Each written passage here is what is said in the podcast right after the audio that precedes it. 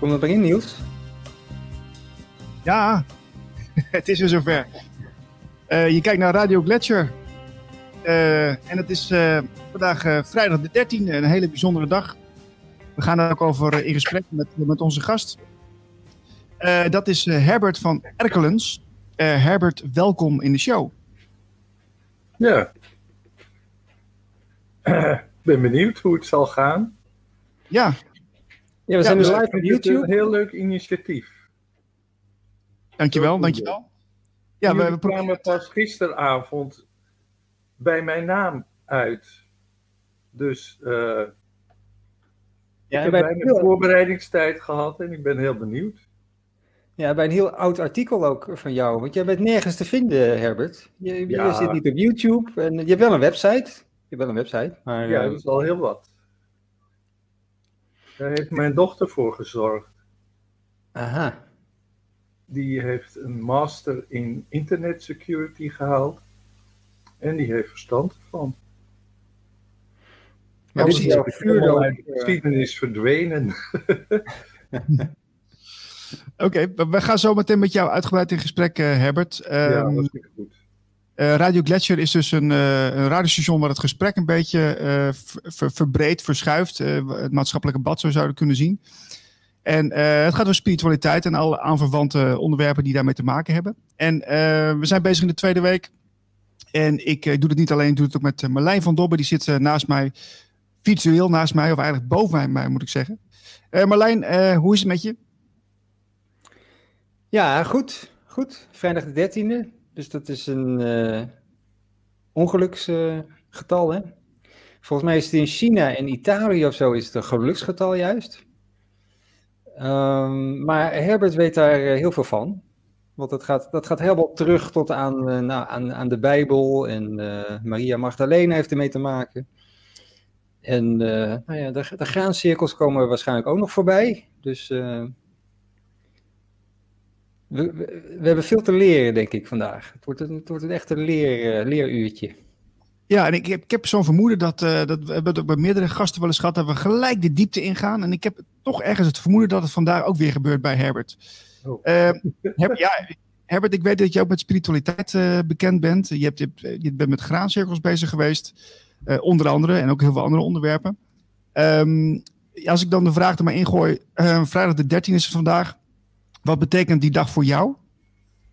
Nou, dat zijn twee verschillende zaken. Ehm, het eerste is natuurlijk waarom is het een ongeluksdag? En dat heeft ermee te maken dat uh, de Tempeliers op vrijdag de 13e heel, vroeg in de ochtend gearresteerd werden door de Franse koning. En eh, het ging om 2000 Tempeliers en velen hebben die arrestatie niet overleefd. Dus het was voor hen een ongeluksdag. En blijkbaar is dat zo gebleven. En uh, het andere is dat mijn moeder op vrijdag de 13e is geboren. In een stuitligging. Dus ze wilde niet zo graag geboren worden. Dat heb ik daaruit geconcludeerd. en er was altijd iets om haar heen, emotioneel, tenminste voor mij als kind, van verbittering. En zodoende heb ik ook wel eens gedacht, ja, maar je bent ook op vrijdag de 13e geboren. Maar zij zei altijd, uh, nee hoor, dat is uh, geluksdag. En uh, dat is het voor mij ook geworden. Ik kan geen andere, ja, 13 is het, is het centrum van de 12. Dat moet je dus even uitleggen. Nooit, nooit op ongeluk wijzen. En als het dat doet, kan het tegelijkertijd op geluk wijzen. Het is, het is een beetje een. Uh, ja, wat zal, zal ik zeggen? Het is een. Uh, in het midden gebeuren de spannende dingen. Die kunnen alle kanten uitvliegen. Ja, want, want 12 is, is uh, uh, ook, een, ook een heilig getal. Hè? Uh, vooral in het christendom wordt het dan genoemd. En dan wordt dan 13 wordt dan als een ongeluksgetal afgeschilderd. Dat is echt onzin natuurlijk. want Jezus is de dertiende te midden van de twaalf. Dus in principe is 13, net zoals in de Joodse traditie, het getal van eenheid. Dus ik denk, ja, je kunt het natuurlijk aan een predikant vragen, maar vaak weten die het niet. Maar 13 zou eigenlijk de essentie van het christendom moeten zijn.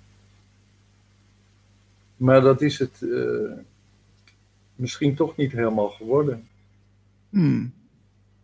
Hoe zou dat dan... Ik, ik, kom nooit, ik kom niet meer in een kerk hoor. Het is daar zo saai.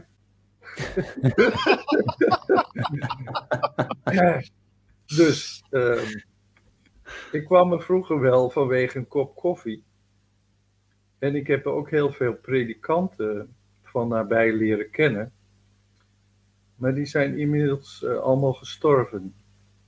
En sinds ik me met Maria Magdalena bezig hou, gaan ze met die nog in leven zijn, die gaan met een boogje om me heen.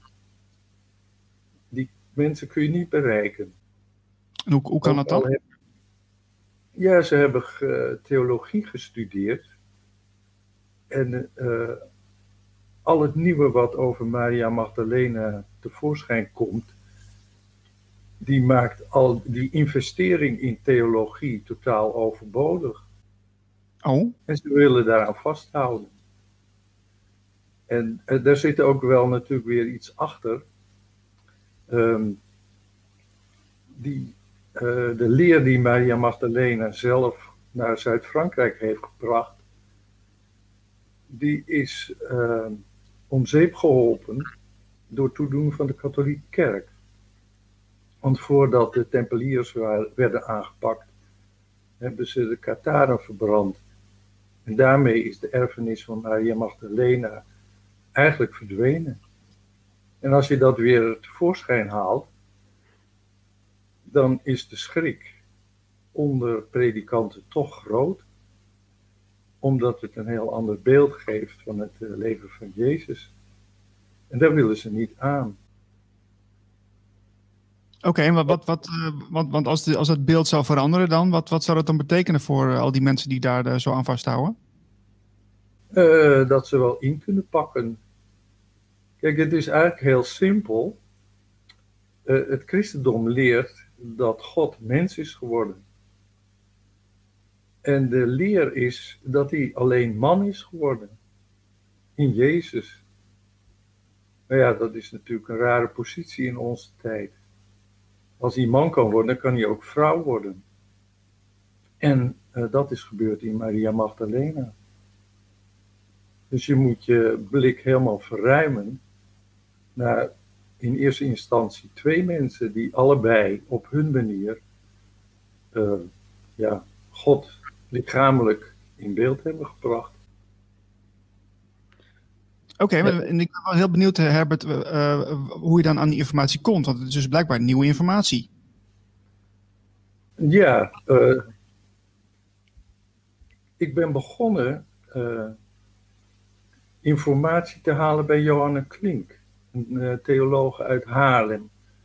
En die had een boek vol met verboden boeken, zal ik maar zeggen. of boeken die gechanneld waren. En aan de hand van die boeken kon ik het uiteindelijk niet achterhalen wat precies het leven van Maria Magdalena was geweest. Maar ik kon wel aan bepaalde evangeliën die ze in huis had zien dat uh, Maria Magdalena dezelfde positie had, evenwaardig dus aan, uh, aan Jezus. En dat hij haar ook als, als zodanig behandelde. Dus daar is het mee begonnen. En later heb ik een boodschapper van Maria Magdalena ontmoet, Judith Moore. En die gaf geregeld uh, stukjes door van het leven van Maria Magdalena.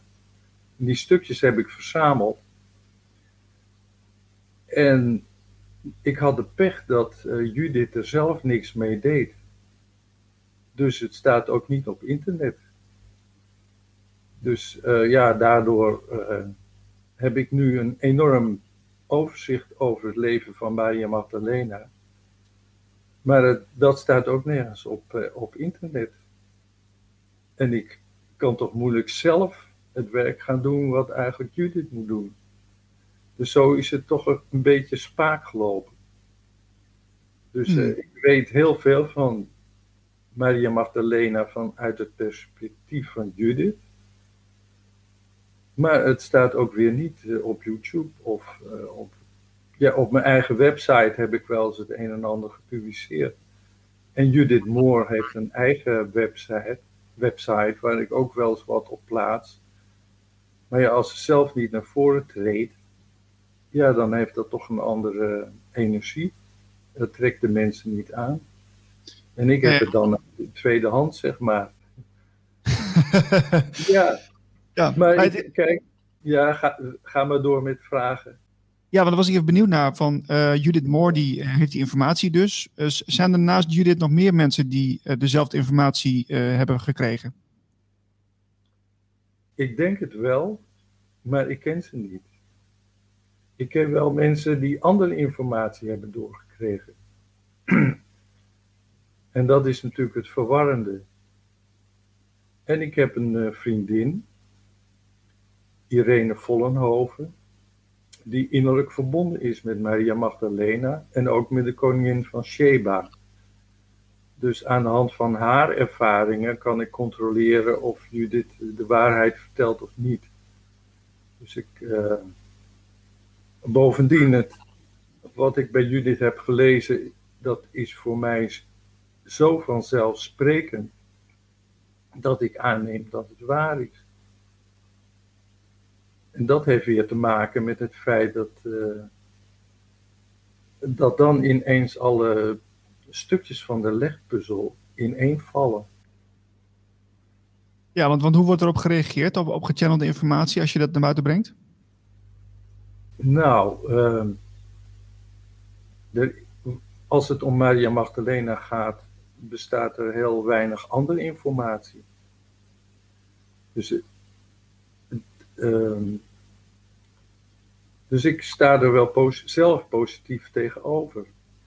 Kijk, als Maria Magdalena zich wil openbaren aan ons, dan zal ze dat moeten doen. Via mensen die haar belichamen en ook iets over haar eh, kunnen meedelen. Er is gewoon geen andere weg. Misschien wordt er ooit wel een historisch uh, manuscript ergens gevonden maar het meeste is verbrand uh, in de tijd dat die Kataren uh, vervolgd werden. Dus dat, de, er zijn gewoon geen geschriften, maar er zijn wel legenden. En die leven in Zuid-Frankrijk. Dus het, uh, ergens heeft dat land de herinnering bewaard. Begrijp ik nou goed, Herbert? Ja.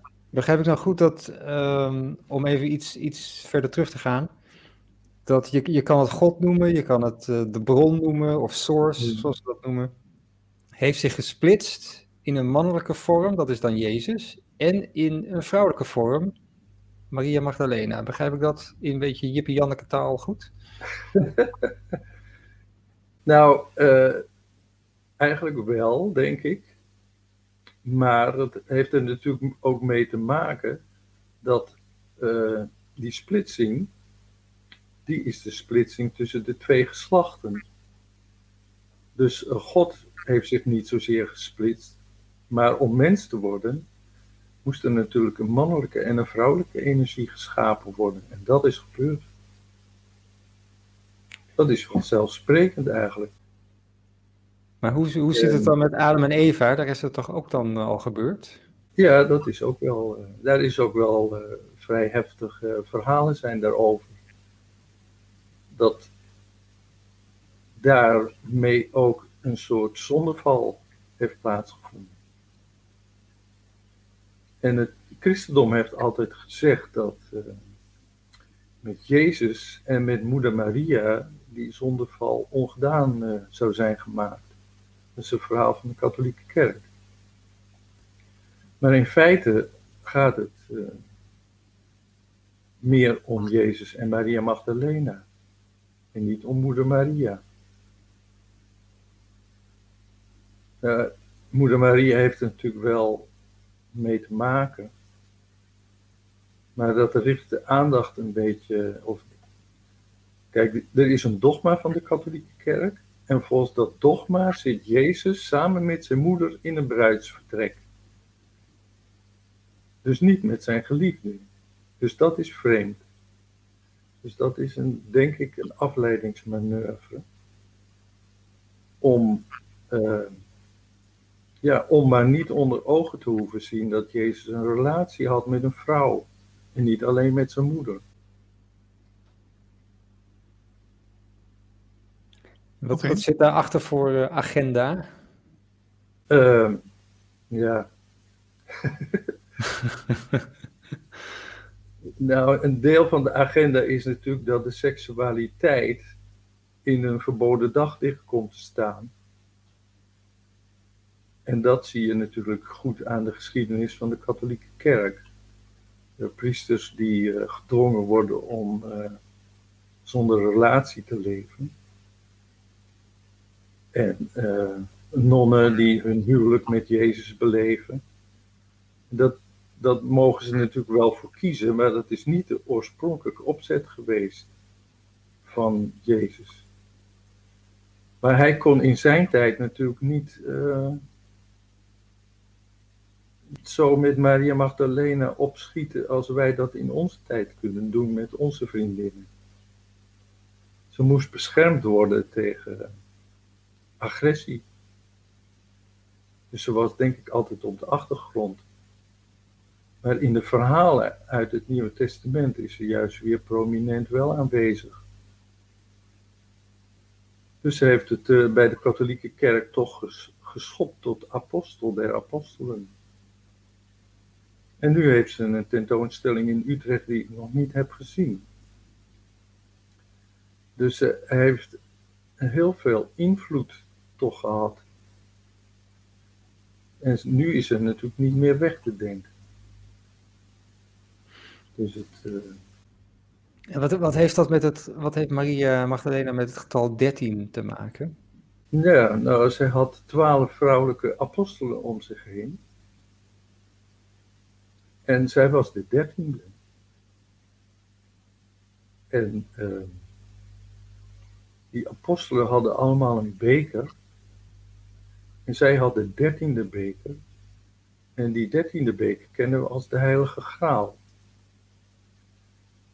En dat weet ik allemaal ook weer via Judith. En dat heeft ze ook doorgegeven aan de hand van graancirkels. En zonder die graancirkels had ik Judith nooit ontmoet. Oké, ja. Dus... Dat is ook best wel weer een groot hoofdstuk, hè? Het, het, het graancirkelverhaal. Want daar heb jij uh, je ook wel heel erg uh, uh, in verdiept. Um, ik, ik, want, want weet je dan veel over de oorsprong van graancirkels of wat het betekent? Kun je er iets over vertellen? Jawel. Um, kijk, ik ben die graancirkels gaan bestuderen omdat ik uit de wetenschap kom. Ik kom uit de natuurkunde en ik ben vertrouwd met de dieptepsychologie. En in beide wetenschappen gaat het om uh, meetkundige symbolen. Die geven jou uh, ja, hele krachtige informatie aan over hoe alles in elkaar zit. Maar dat gaat maar tot de, op een bepaald punt, omdat onze wetenschap nog maar 400 jaar oud is. En ik zag aan die graancirkels dat die een intelligentie bevatten die uh, voorbij onze wetenschap gaat.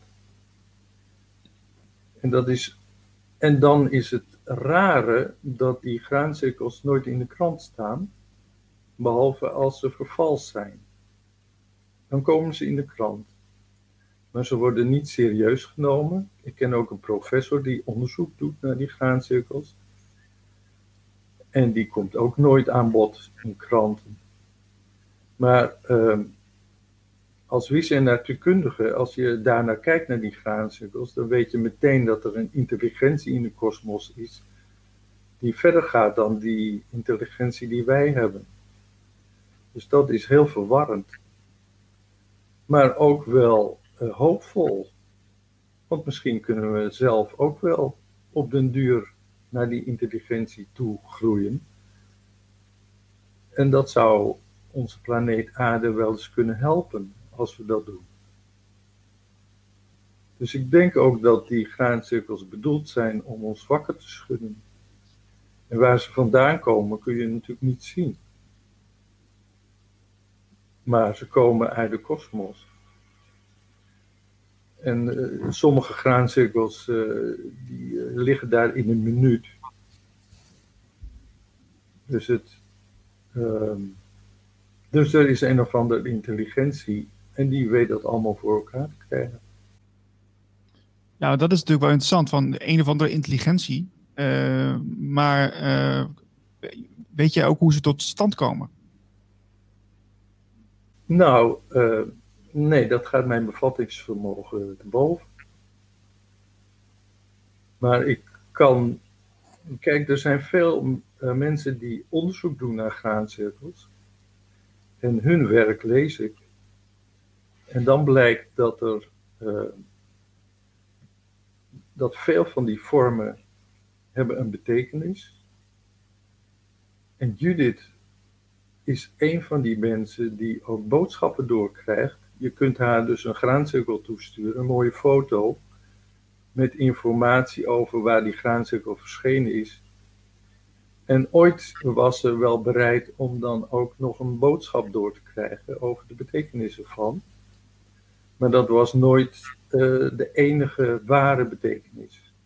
Er ook altijd, was altijd ruimte voor meerdere betekenissen. En daar heb ik me een tijdje mee bezig gehouden, omdat de man die dat eerst uh, samen met Judith deed, uh, die leed aan kanker. Hij heette Johan Keizer. En in uh, september 2009 is hij overleden. En toen heb ik het nog drie jaar volgehouden om met Judith die betekenis op te sporen van graancirkels die die in de jaren 2009 tot en met 2011 verschenen zijn. Maar dat zit dus allemaal bij mij in een archief. Ik heb een paar dingen gepubliceerd. En ik heb ook het archief van die Johan Keizer overgenomen. Maar ik weet gewoon niet wat ik ermee doen moet. Want ik heb er wel uh, manuscripten in het Engels uh, samengesteld en naar Judith gestuurd. Maar dan, zij stuurt het nooit naar een uitgever. Dus het houdt daar allemaal weer op. Het is dus, ik heb dus een rare relatie in die zin met Judith. Ik heb heel veel, uh, ja, ik heb heel veel informatie van haar in archieven. Maar als ik die ineens opentrek dan kunnen de mensen die informatie niet volgen, omdat Judith er te weinig van heeft eh, gedeeld op internet. Ik moet dan eerst uitleggen wie Judith is en het is allemaal uh, vermoeiend daardoor. Maar ik heb het wel allemaal uh, netjes bewaard. Je gebruikt nou, het ook niet voor lezingen die je geeft? Nou, ik, ik zou het kunnen gebruiken. maar uh, ik heb ook mijn eigen projecten. En dan neem ik gewoon van die graancirkels wat ik nodig heb. En uh, sinds kort ben ik weer helemaal begonnen bij het begin. Dat ik me bezig hield met uh, kwantumfysica en dieptepsychologie. Dat wat daar de verbinding tussen die twee wetenschappen, die heb ik opgespoord aan de hand van dromen van een theoretisch fysicus en Nobelprijswinnaar, Wolfgang Pauli. Dus ik heb archiefonderzoek gedaan in Zurich. Nou ja, heel veel brieven van hem verzameld.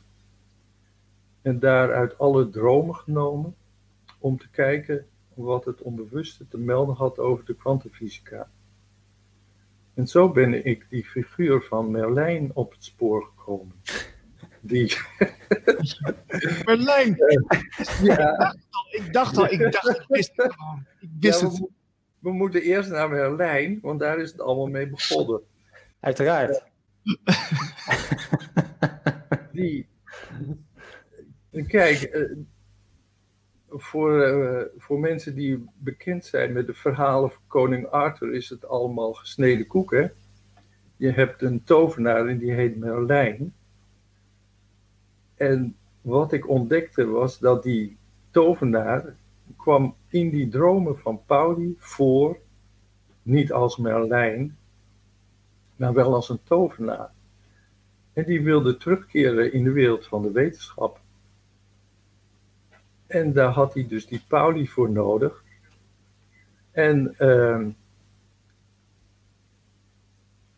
en, en, Paul, en hij heeft dus, die Pauli heeft dus aan de hand van zijn dromen in feite die terugkeer helemaal uh, voorbereid. En alleen de laatste stap niet gezet. Namelijk om in het openbaar te treden, een zaaltje te huren of een collegezaal in Zurich, om te vertellen hoe Merlijn met de moderne natuurkunde samenhangt. Ja, dat is natuurlijk wel interessant, hè, eh, Herbert? Want um, volgens mij, en ik, ik hoor dat van meer mensen, dat de wetenschap zoals, zoals jou dat geleerd is, en zoals het heel veel andere professoren geleerd is, um, ja, als, als die aan de haal gaat met, met dromen, dan spreek je toch eigenlijk van een soort paradigmaverschuiving. Ja, en, en dus is, is die paradigmaverschuiving uh, heeft ook niet plaatsgevonden. Niet binnen de, binnen de universiteiten. Dus je ziet die paradigmaverschuiving alleen maar bij uh, ja, zelfstandigen, dus spiritueel therapeuten, of natuurkundigen die voor zichzelf beginnen. Maar dan blijft het nog steeds voorbij gaan aan de studenten die naar de universiteit gaan. Ik heb wel een grappig verhaal. Want mijn dochter, uh, Kim, die ging dus studeren aan de Universiteit van Amsterdam. En nou ja, ze moest een soort toelatingsexamen doen. En ze verscheen bij een docent. En die docent die was dus werkzaam uh, aan de Universiteit van Amsterdam. En het eerste wat hij aan haar vroeg is: Heeft jouw va vader iets met Pauli te maken? Dus individueel was het wel bekend. Ah.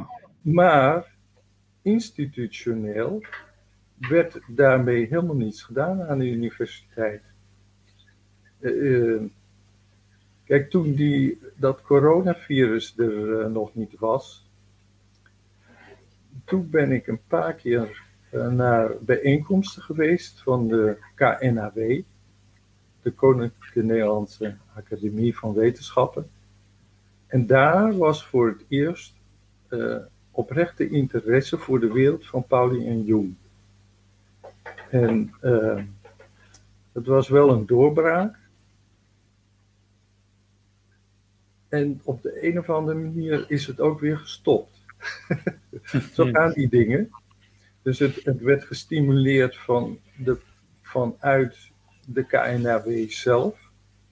Er is ook een boekje verschenen.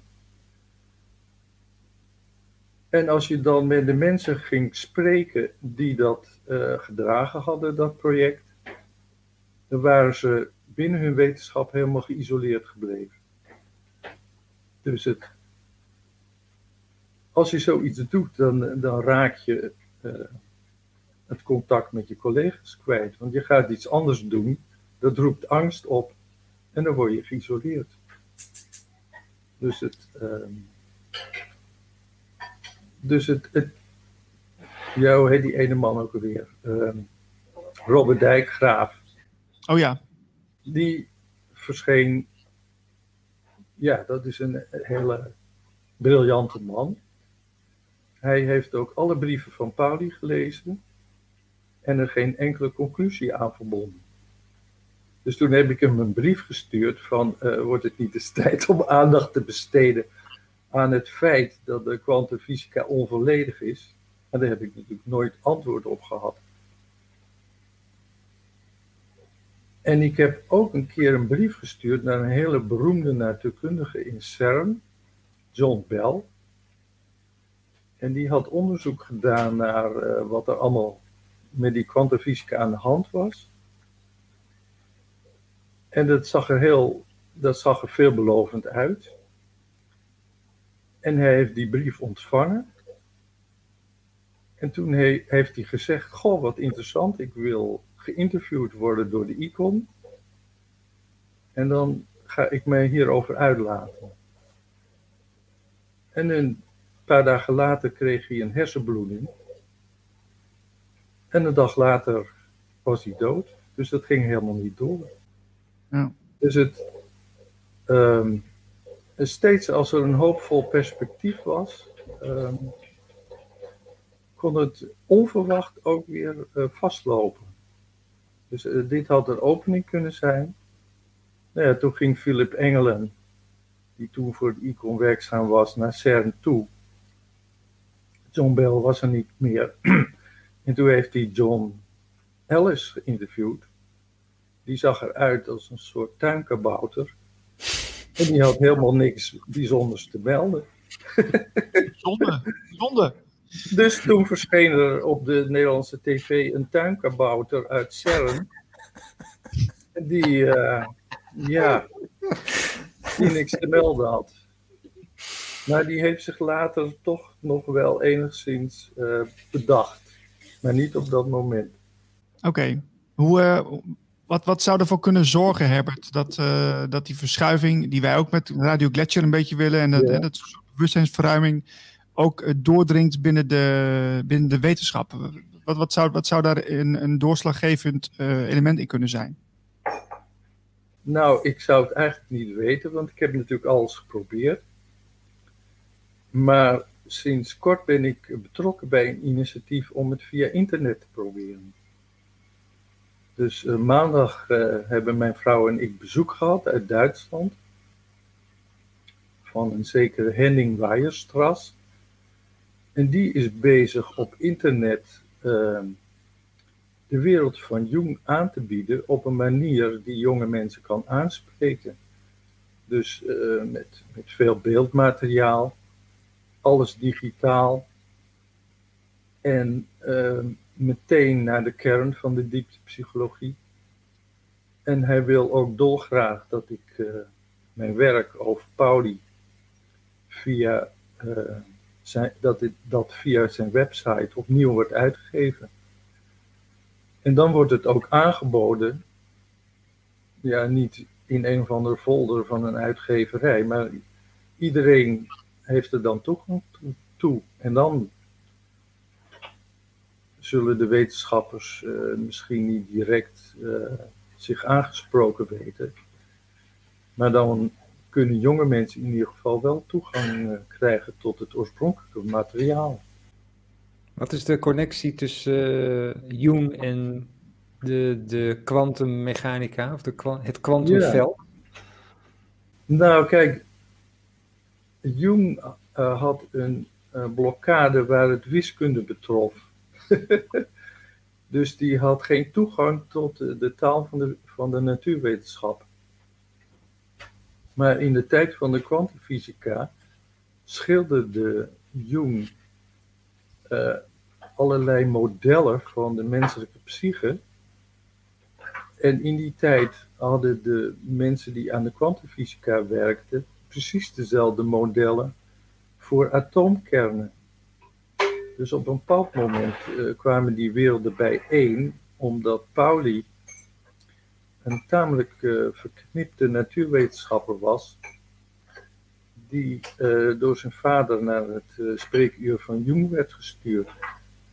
En zo is die verbinding ontstaan. Dus Jung was de eerste die 80 dromen van Pauli publiceerde. En daar had Jung toen alles uit verwijderd wat naar de natuurkunde verwees. Dus daar had je niet direct wat aan als natuurkundige. Maar er waren ook natuurkundigen die meteen al uh, in de gaten hadden dat de dromen van Pauli waren. Dus, um, en een van die natuurkundigen die heeft toen ook gedroomd dat Pauli hem een bepaalde scheikundige structuur aanreikte. En toen dacht hij, weet je wat, dan ga ik die structuur onderzoeken. En 40 jaar later uh, kreeg hij de Nobelprijs voor zijn onderzoek. Dus soms is het juist wel uh, verstandig om je dromen te volgen. Want als je dat niet doet, dan, uh, dan doe je ook geen grote ontdekkingen. Nee, want ik heb, ik heb natuurlijk zelf, uh, iedereen heeft ook wel eens een droom en je probeert het altijd te achterhalen van wat er nou eigenlijk uh, gezegd wordt tegen je, of dat je het kunt verklaren. Soms is het ook heel vaag en dan denk je van ja, wat moet ik ermee? Het zijn allemaal uh, verschillende mm -hmm. fragmenten of korte, ja, ja, korte beelden die je ziet. heb, heb je daar zelf ook onderzoek naar gedaan, wat, wat dromen jou vertellen? Nou, ik schrijf de droom altijd op. Oké. Okay. En Uh, en sommige dromen hebben mij op een heel nieuw spoor gezet. Maar uh, die dromen krijg je alleen als je ook helemaal bent vastgelopen. En uh, er zijn ook dromen die met een. Ja, ik heb bijvoorbeeld ook gedroomd dat de hand van God is afgehakt. En dat. Uh, ja. De tweede keer dat ik dat droomde, toen stond ik nog nauw in contact met Judith Moore. En dus ik schreef haar per e-mail dat ik had gedroomd over de afgehakte hand van God. En drie weken later kwam er een hele duiding van die droom, die zij had doorgekregen van de aartsengel Michael. Uh, ja, toen kwam het natuurlijk nog veel meer tot leven, want dan had ik een. Ik zit het altijd al, alleen maar zelf te duiden. Dus uh, zo'n duiding van, uh, van Michael, dat was wel uniek. En ik heb ook, ben ik in zekere zin in Jungiaanse analyse geweest, omdat ik één of twee jaar heel nauw heb samengewerkt met een Jungiaanse analytica uit uh, Bern in Zwitserland. En die had allerlei dromen en ik had vergelijkbare dromen. En zodoende ben ik heel veel te weten gekomen over uh, hoe het onbewuste nadenkt over de relatie tussen psyche en materie. Maar je kan daarmee niet zomaar het de collegezaal binnenstappen. nee, dat snap ik. Want het, uh, daar is de sfeer heel anders.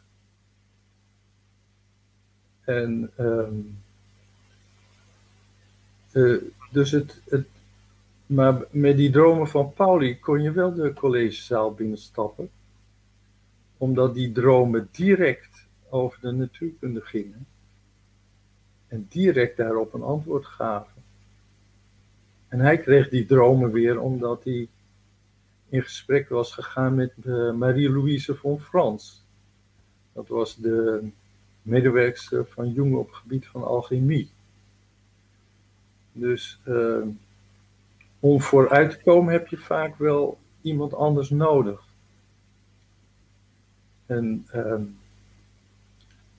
en dat is juist wel ook ook stimulerend dat je er niet in je eentje uitkomt. Het is eigenlijk hetzelfde model dat Jezus in zijn eentje ook niet God kan bevatten. Hij had daarvoor een vrouwelijke partner nodig. En die overbrugging tussen de wetenschappen onderstelt ook een relatie waarin uh, die overbrugging ook uh, persoonlijke gestalte krijgt. Maar ja, hoe, hoe kun je dat organiseren op een universiteit? Dat kan helemaal niet. Um, nee, precies. We, we, gaan er zo wel even over verder. Ik denk dat het misschien wel een mooi moment is om even ja. naar onze vaste items te gaan. Goed, dan ga ik een slokje drinken. Helemaal goed. Uh, blijf er vooral bij. Uh, Berlijn, ik denk dat we wel ergens een UFO hebben of een graancirkel, denk ik, hè? ja, we, we blijven natuurlijk zoeken. Nou, ik was. Uh, uh, ik heb de graancirkel van gisteren erbij gepakt. Want misschien kan Herbert daar iets over zeggen. Want um, ik, ik, denk, Herbert, jij ziet graancirkels. Oh, jij, jij houdt dat bij, denk ik ook, hè? Welke nee, gevonden worden. Nee? Nee, dat, ik heb er geen tijd voor om hem bij te houden. Maar ik ben wel geattendeerd. Of ik word geattendeerd. Als die graancirkels op een bepaalde datum verschijnen. Oké. Dus, dus, dus ik heb wel de graancirkel van de 8 augustus gezien. 8-8. Maar de 12e augustus zou toch ook interessant moeten zijn? Uh, ja, nou, die heb ik dan. Uh, even kijken. Die heb ik dan weer even net niet. ik nou, heb er wel 11. Nou, dit is de 11e. Nou, maar dat is toch uh, waar het om gaat. Nou, dit is wel krankzinnig, ja. Nou, en toen kwam ik dus een heel, hele oude blog van jou tegen en toen moest ik meteen eh, aan deze vorm denken. Dan moet ik die ook even erbij halen. Ja, ik zie 1111 in die, deze graancirkel staan. Dat is uh, waar, ja. Dat is de, de, de poort. Kun je, kun je dat over dimensies. De kijker? Er zijn vroeger heel veel van deze graancirkels verschenen. Oké, kun, kun, je dat wat meer duiden voor de kijker, Herbert? Nou, uh,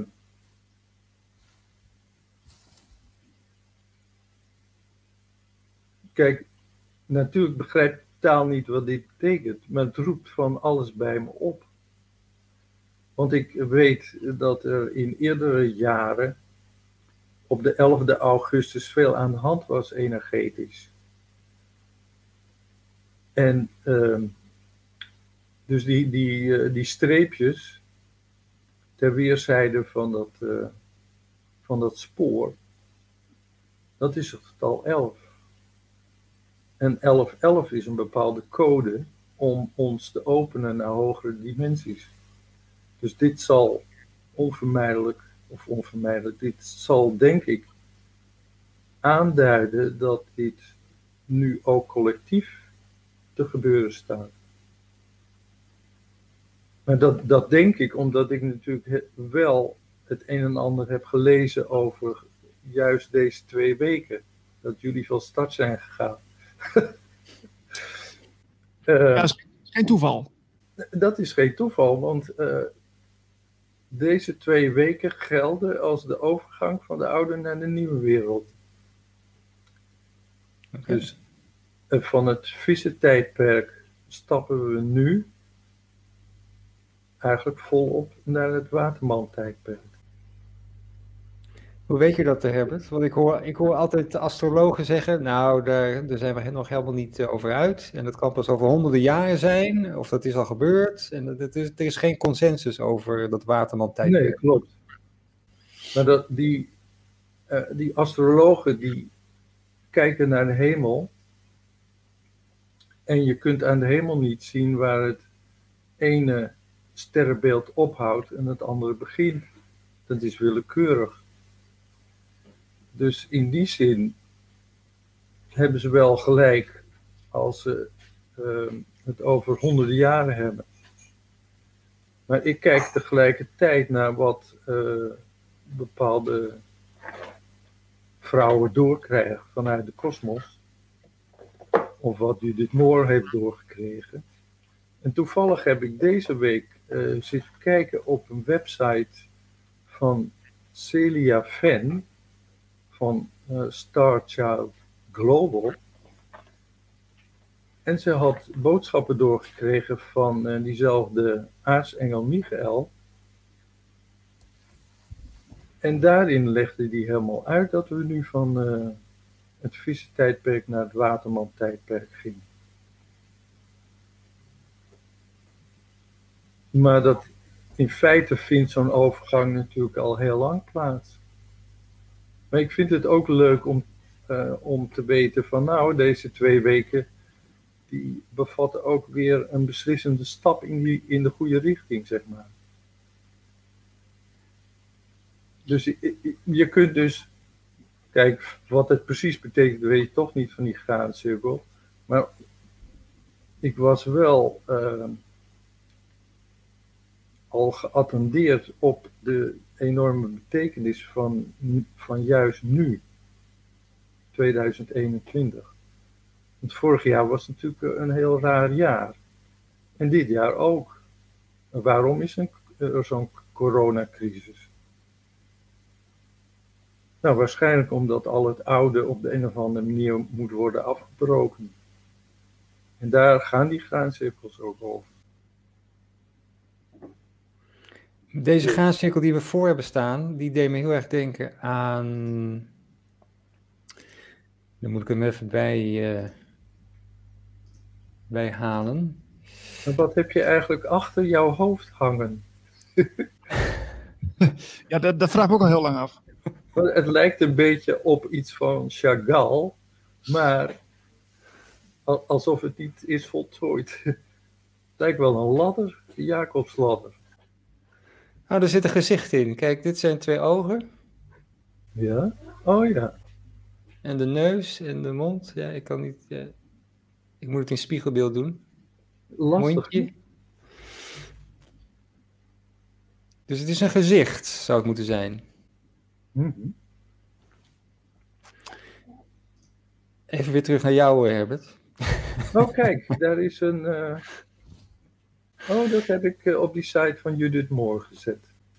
Ja, en dit, nou. nou ja, dit is een hele lange. Wow. Maar die lijkt er wel uh, behoorlijk veel op. En dit is al een hele oude. Ja, 1999. Nou, dat, uh, dat is het dan, hè?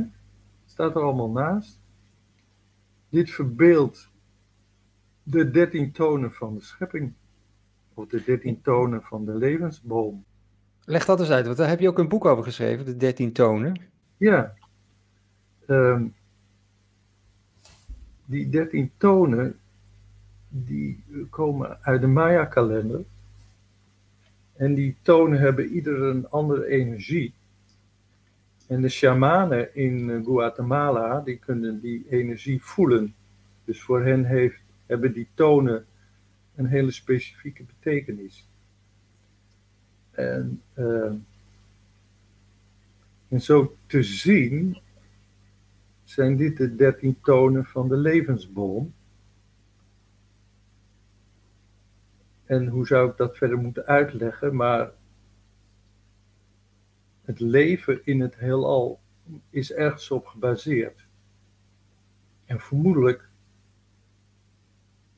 is het gebaseerd op uh, verschillende energieën die in ons DNA en in het DNA van andere levende wezens verborgen zitten. En, en je kunt sowieso twaalf uh, lage DNA onderscheiden, spiritueel gezien. En een dertiende die de twaalf verenigt. Oké, okay, er wordt ook nog gesproken over de, de, 12 uh, uh, strengths of DNA, zeg maar. Dus dat zou betekenen dat we dus, dus dat, we, dat we opgemaakt zijn uit 12 verschillende ja, uh, lagen. Ja, die zitten in het magneetveld om die ehm, zichtbare DNA heen. En de natuurkunde is nog niet zo ver dat ze dat met dat ze dat in beeld kunnen brengen, die energieën. Maar uh, ik ga ervan uit dat het wel klopt. Dat we dat in ons hebben. En ik weet tegelijkertijd, weer uit andere bronnen, dat ons DNA maar tot een bepaald percentage werkzaam is. Dus uh, zeg 50 jaar terug eh, lag het uh, op 33 procent. En kinderen die nu geboren worden, die hebben al een DNA werkend op 44 procent. Dus die ga je dan onderwijs geven vanuit een bewustzijn van 33 procent. Dus dat zullen ze niet leuk vinden. Nee, nee dat, maar, dat, dat, hebben we het ook vaker over gehad in deze show. Ja. dat, je, dat je gewoon ziet dat, ja, dat, dat, dat er nu een verschuiving plaatsvindt en dat het, dat het onderwijs, de manier van onderwijs, onderwijs geven heel gedateerd is eigenlijk. Ja, maar dat, het onderwijs loopt natuurlijk altijd achter.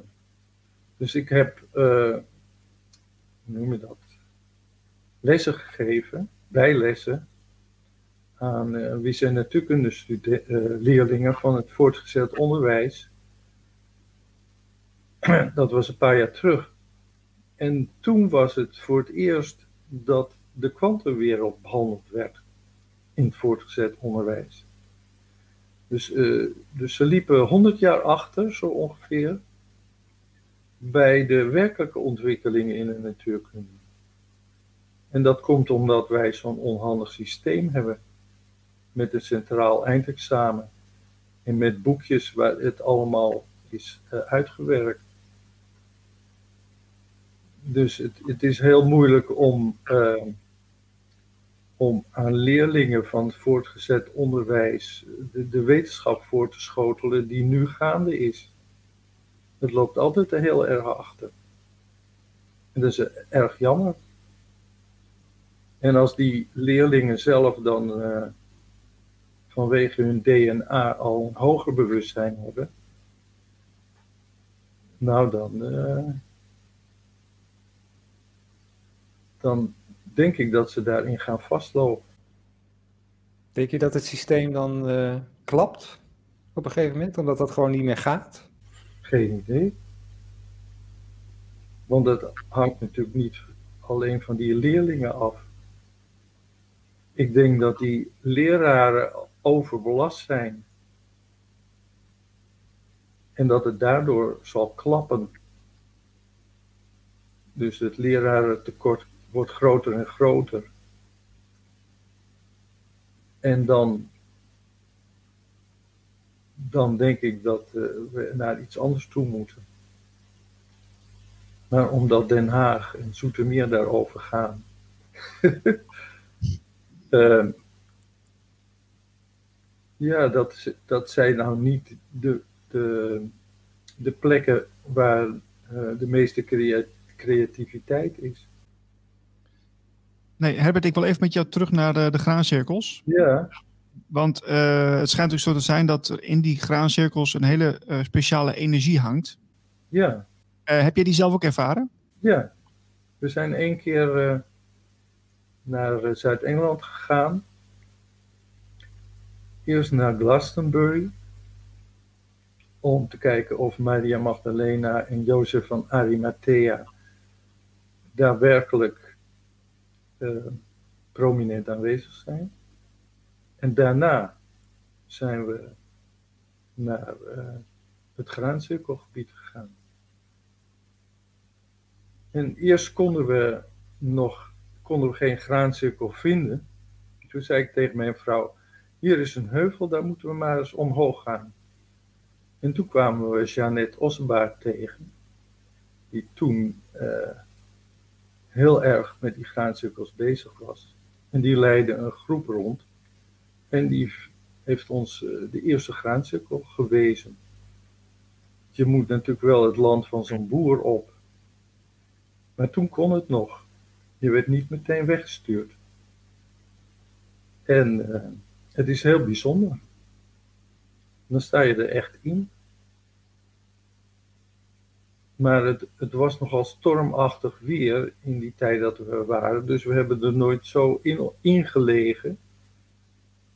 Want meestal moesten we dan, als we een graancirkel gevonden hadden, meteen weer over de eind springen. Omdat er uh, een enorme buiopkomst was. Maar uh, ze zijn dus echt. En... Uh,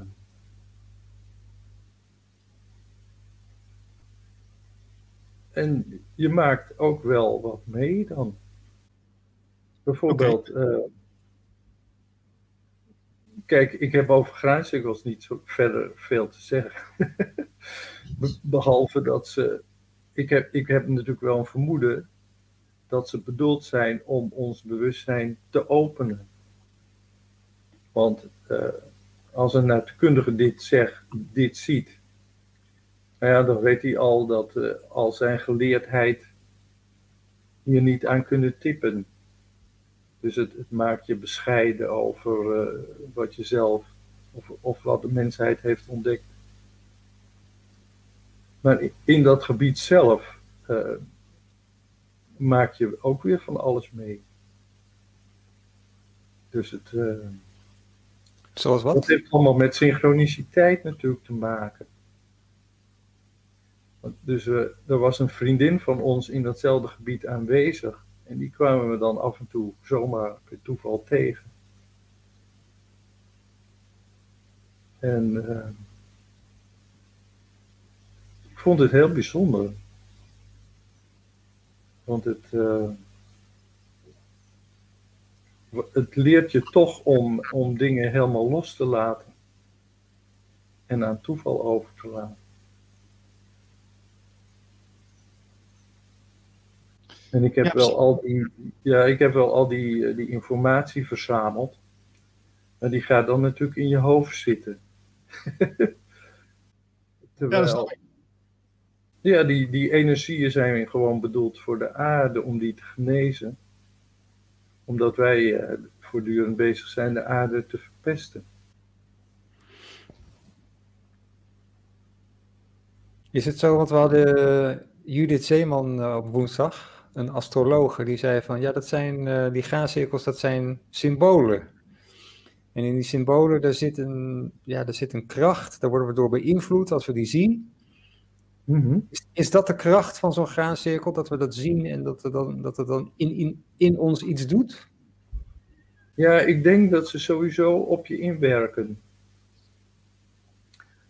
Want het is bijvoorbeeld heel moeilijk om een graancirkel na te tekenen. Er zit een soort innerlijke balans in. Uh, die je niet kan narekenen. Dus mensen zijn dagenlang bezig om die uh, symbolen na te tekenen. En dan achteraf kun je dan vaststellen dat er een bepaald evenwicht is, of dat de gulden snede erin zit, dat er bepaalde getalsymbolen in zitten. En dan blijkt ook dat er een, uh, een hele numerologie in zit. Ja, want dat vind ik wel interessant wat je nu zegt. De, de gulden ja. snee, dat hoor ik ook vaker. Uh, kun, kun je ons uitleggen wat dat is? Nou, dat is een bepaalde verhouding die, uh, die volgt uit, uh, ja, uit algebraïsche vergelijkingen. Dus op zich um, hoeft dat niet te betekenen dat het zo belangrijk is. Maar die, als je naar een, uh, pentagram kijkt, zo'n vijfpuntige ster, dan zitten daar natuurlijk lijnen in, verbindingslijnen, en die snijden elkaar volgens de gulden snede. En verder uh, vind je die verhouding ook als je naar bepaalde getallen kijkt, de Fibonacci-getallen. En die Fibonacci-getallen die komen in de natuur heel veel voor, in allerlei vormen. En um, nou ja, er, is dus, er zit een heel stuk wiskunde, is daarmee verbonden, en dat is de wiskunde van de levende natuur.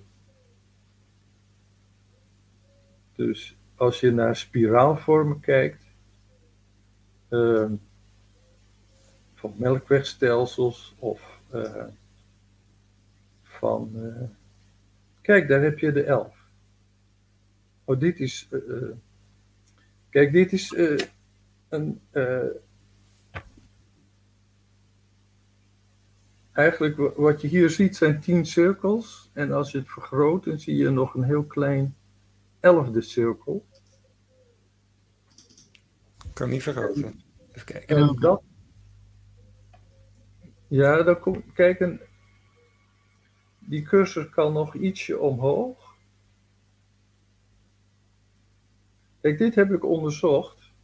Eh, ik heb hier ook een sprookje over geschreven. Eh, dat kan ik wel laten zien. Ehm, ga ik zelf even uit beeld. Dan moet ik ervoor zorgen dat dit wel in beeld komt. Ja, Ah, ja nu zie ik ja. het, ja. Het is eh Joël en de verloren graalprinses. En toen heb ik eens gepoogd om het niet allemaal wetenschappelijk te formuleren, maar in de vorm van liefdesgeschiedenissen. En die ene graancirkel met die elf cirkels, die eh, speelt een belangrijke rol. Want ehm, ik doe dan net alsof er iets ehm, heeft ontbroken aan de schepping. Een elfde getal of een elfde energie. En Merlijn, die gaat deze graancirkel in, de echte Merlijn. en die ziet dan, hey, elf cirkels. En dan roept hij uit, dat is het, eh, zoiets als het begin van de moderne tijd. Want 11 is de poort naar 12 en 13 en dan is alles weer volledig. En er zijn boze krachten die, eh, die ervoor gezorgd hebben dat we maar de beschikking hadden over 10 energieën. En Joël, die, de graal, die op zoek is naar de graalprinses, die moet die boze krachten zien te overwinnen. En dat lukt hem uiteindelijk ook.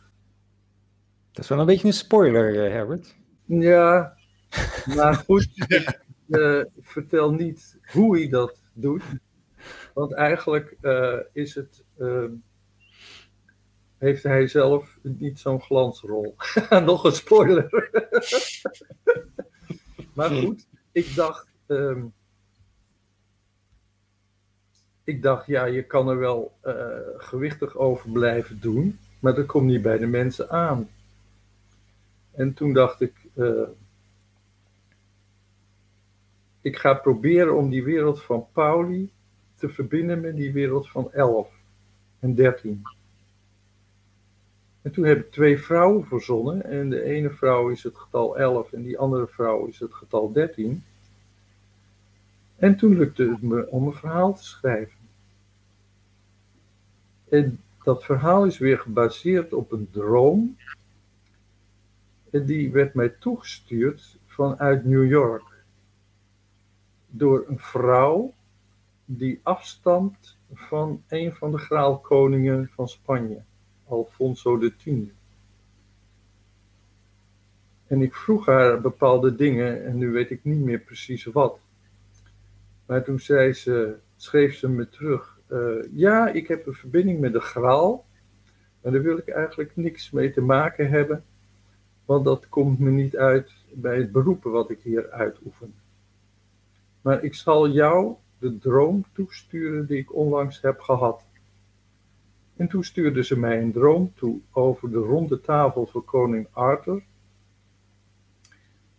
En er stonden, die was in twaalf verdeeld. En bij ieder twaalfde deel stonden twee vrouwen. Een vrouw, een krijgshaftige vrouw en een paranormaal begaafde vrouw.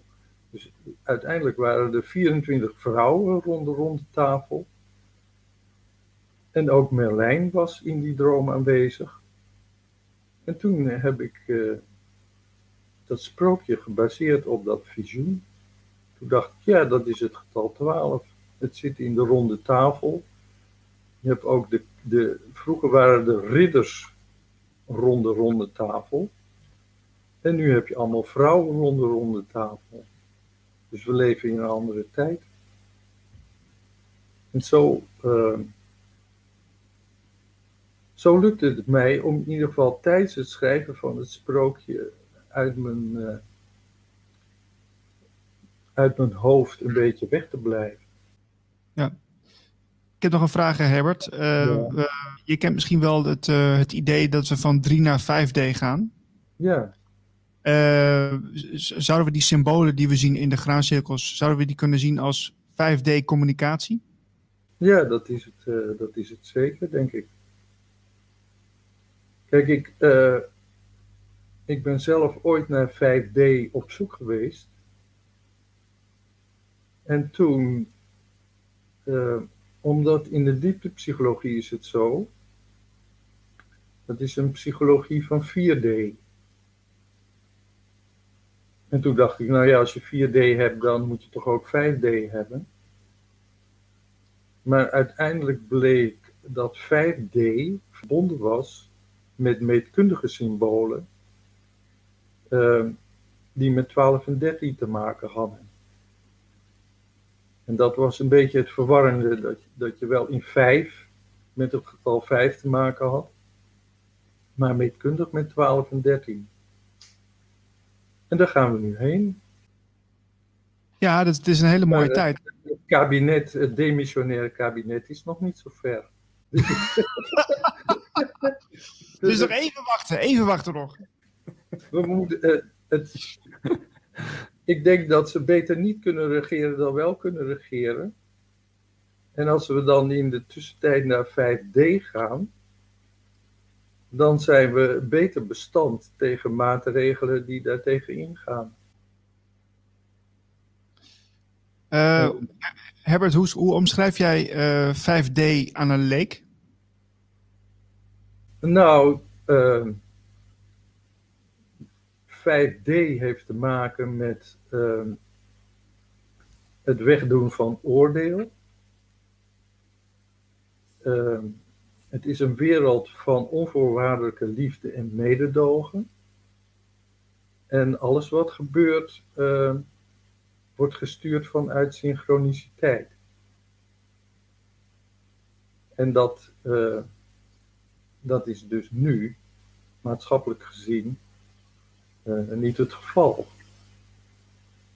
Dus wat wij doen is allemaal rapporten opstellen. Dus er is een klimaatprobleem en dus komen de klimaatrapporten. En zo gaat het maar door. We, we werken heel erg met ons verstand en met modellen. Terwijl in 5D ga je een relatie aan met moeder aarde. En vanuit die relatie komen de oplossingen. En dan heb je die gewichtige rapporten. Kijk, je kunt onderzoek uh, doen naar alles wat er nu met het weer aan de hand is.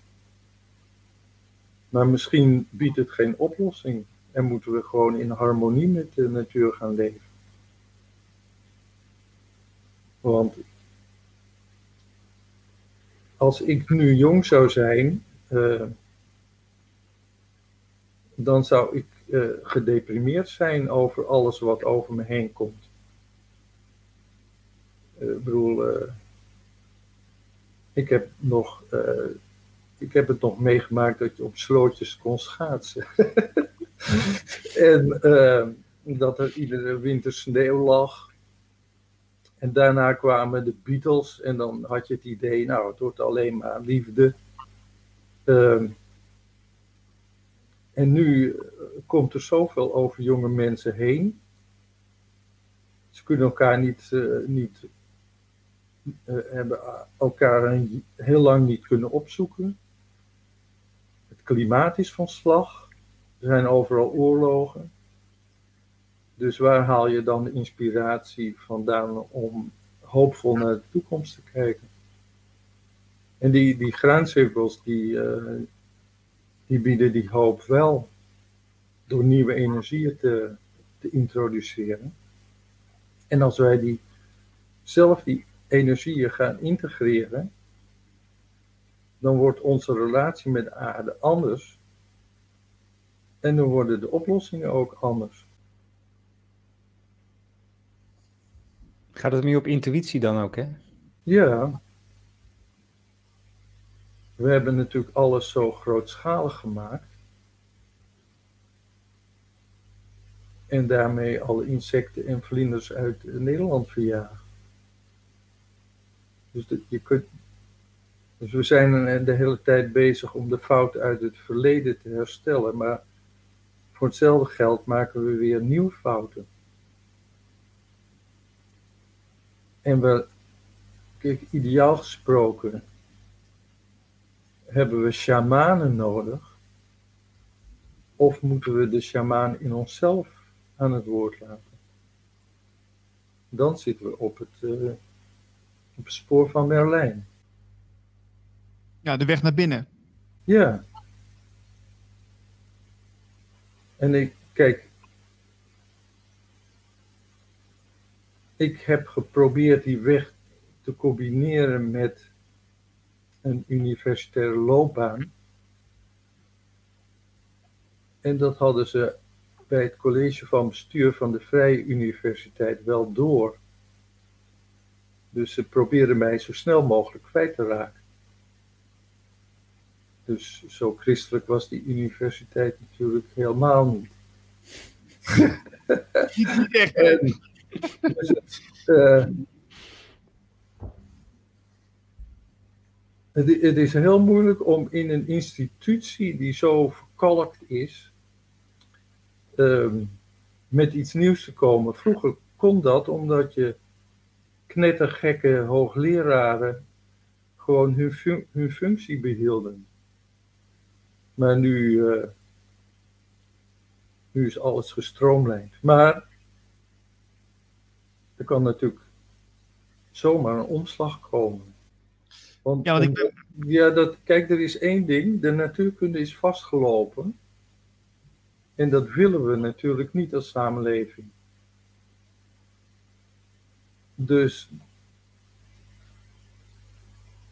dus als er weer een nieuwe doorbraak in de natuurkunde komt, dan komt die denk ik alleen maar van binnenuit.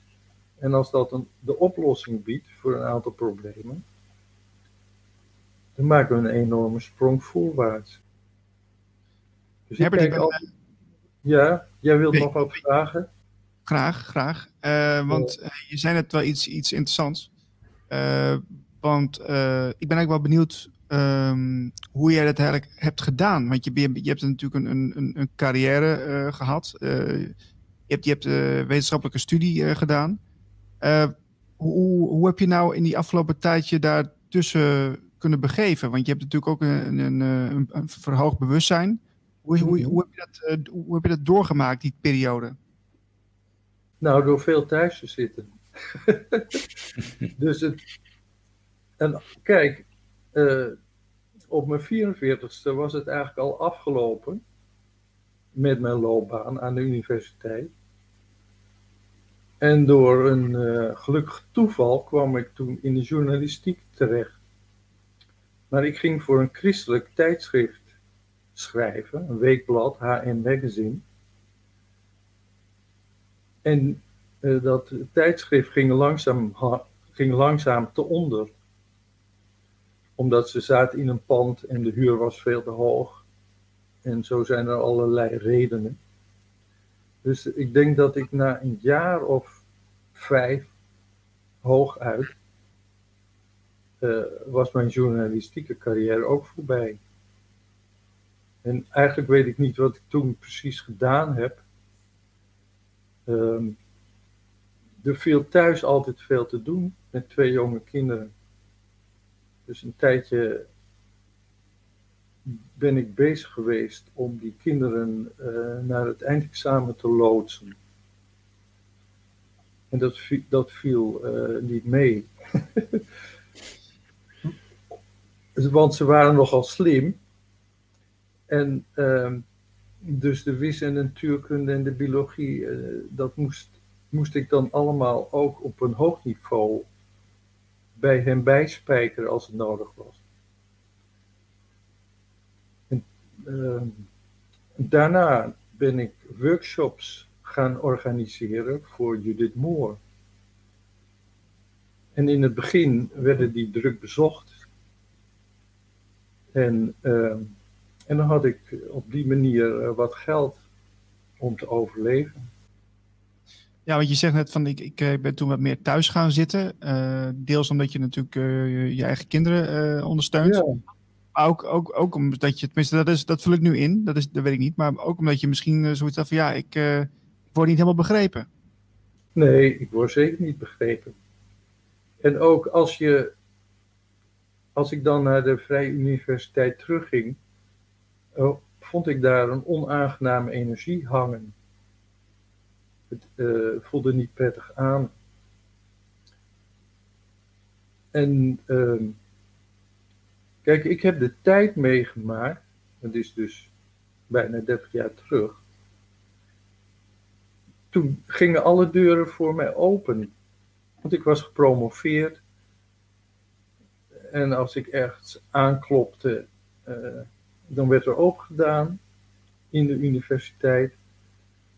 Er was aan de Eidgenössische Technische Hochschule oprecht belangstelling voor de dieptepsychologie, omdat Jung daar colleges had gegeven. En een tijd lang, uh, als je voorzichtig genoeg was, dan kon je de beide werelden van natuurkunde en dieptepsychologie bij elkaar brengen. Met toestemming en ook met steun van de universiteit. En dat is uh, goed gegaan tot en met 1993. Want toen kregen de professoren ineens door dat ze met, dat ze met hun denken niet verder zouden komen. En toen hebben ze gewoon de deur dichtgegooid. En toen, dus toen was er nog één plek in Europa waar de dialoog werd voortgezet. En dat was in het Zwarte Woud. Bij een, uh, in Toot, Moos, Rute. Daar was een meditatiecentrum. En daar werd het gesprek gewoon doorgevoerd. Uh, ook als het elders niet meer mogelijk was. Dus daar ben ik ook een paar keer geweest. Was daar een bepaalde aanleiding voor in 1993? Is er toen iets gebeurd? Ja, er is wel iets gebeurd. er was namelijk een enorme conferentie, een symposium. Dat duurde een week lang. Dat was in bij Ascona op een berg. Er was een hotel, de Monte Verita. En daar werden alle dromen van Pauli besproken, zowel met natuurkundigen als met dieptepsychologen. Maar er was één Nobelprijswinnaar, uh, Alex Muller, die begon over het getal 5 en over de gulden snede. En, en achter hem stond een, uh, een krijttekening van een kattengodin uit Egypte, de koningin van de nacht. En dat bracht dat alles bij elkaar. Die krijttekening, die was eigenlijk heel fantastisch. Die kattengodin had ook dat symbool van het getal 5 op haar voorhoofd. En het was de koningin van de nacht en ik merkte op dat ik met de koningin van de nacht getrouwd was. En daar had ik bepaalde redenen voor. En toen ging het verdere gesprek met die, uh, met die uh, Nobelprijswinnaar en met al die mensen die aanwezig waren. Uh, die gingen, dat ging enkel nog over de liefde. En toen dachten die professoren, nu moeten we wegwezen. proberen te verhinderen dat, dat die lezing over het getal 5 werd gepubliceerd. Dat hebben ze proberen te verhinderen. Dat is niet gelukt. Je, je kunt mij wel opzij zetten, maar een Nobelprijswinnaar niet. Dus een vriendin van mij heeft uh, gevochten met die heren. En toen heeft ze haar zin gekregen. Het is toch gepubliceerd. Maar toen was het wel afgelopen met, uh, met de wederzijdse liefde tussen die twee werelden. Want die professoren hadden niks meer te winnen. Bij het getal 5 uh, eh, speelden ze niet meer mee. Dat is bij die vijfde dimensie idem dito. Ja. Dan, dus het duurt uit eruit. Dus zodoende was het ineens afgelopen. Maar, gek genoeg, deze week uh, is alles weer in orde gekomen. Dus die. Uh, dus er is nu een nieuw initiatief, daar heb ik het al over gehad, vanuit Duitsland, om dat, die hele dialoog via internet weer voor te zetten. En ik voel me meteen al uh, 50% beter. Is dat, een voorzetting van, is dat een voorzetting van wat ze toen in de Zwarte Woud in 93 zijn? Uh, ja, kijk, het is eigenlijk zo gegaan. Uh, in 93 was die conferentie. En die werd ondersteund vanuit het Jung Instituut en vanuit de ETH in Zurich. Nou ja, toen kwam het getal 5 ineens in beeld. En dat was meteen het einde van de dialoog. Niet helemaal, want er was eerst veel agressie over en weer. En toen kwam er een man naar voren, een psychiater uit Berlijn. En die speelde een aantal stukken van Schumann en Bach op de piano. En toen was er ineens weer harmonie. en daardoor is die conferentie gered. Maar uh, de dialoog is nooit meer voortgezet, behalve dan in het Zwarte Woud. En de man die dat uh, leidde, die is vorig jaar uh, aan een hartaanval overleden. Dat is Thomas Arzt. En omdat hij overleden is, uh, moest er een nieuw initiatief komen. En toen heeft die Henning Weierstras besloten om alles wat die Thomas had bereikt uh, in een enorme versnelling uh, verder voor te zetten.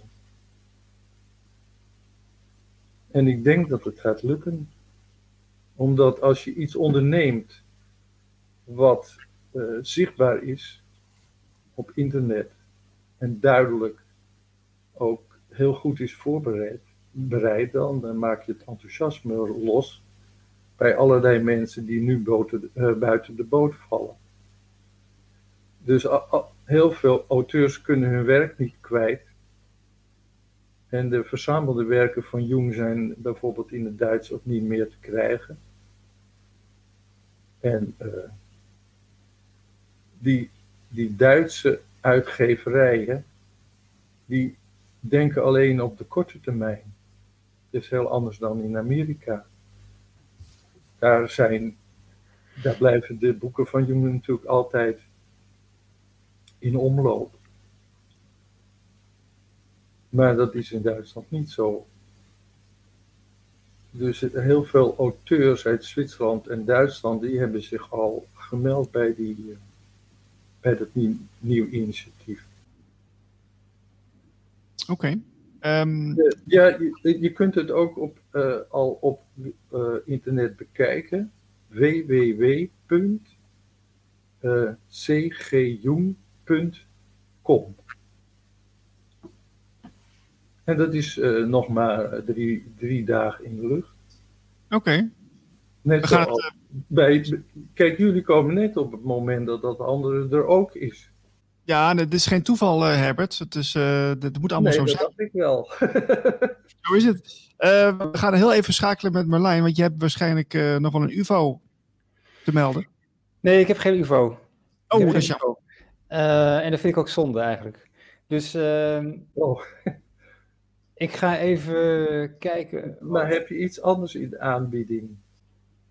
Nou, ik heb, ik heb even die cgjung, had je, uh, .com, hè? Nou, ja, kijk, het, zonder puntjes ertussen, hè? Dus... Als het goed is, dan is dat... Uh, Kijken wat er nu komt. Deze site. Kijk, daar heb je dat rode boeg. Dat... Uh, Het is wel in het Duits. Dat vind ik wel weer het is nog niet in het Engels, maar dat kan ook niet. Maar uh,